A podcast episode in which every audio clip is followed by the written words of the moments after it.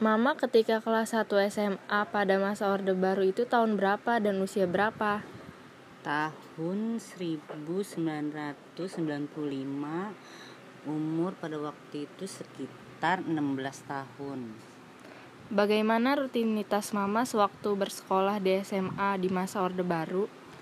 Seperti biasa umumnya anak sekolah berangkat pagi, pulang siang. Setelah itu bermain.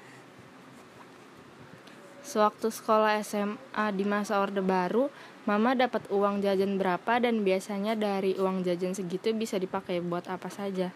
Waktu itu sekitar 5000 rupiah untuk jajan dan makan di kantin sekolah. Sewaktu Mama SMA, kira-kira berita yang terkenal atau populer saat itu apa saja?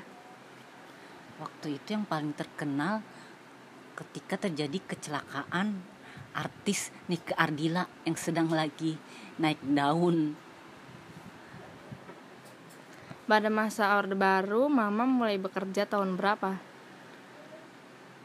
Waktu itu saya masih sekolah.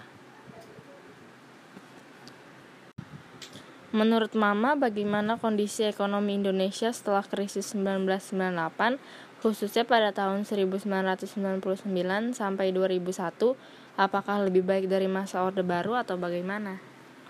Masa peralihan, jadi belum tahu lebih baik atau tidak.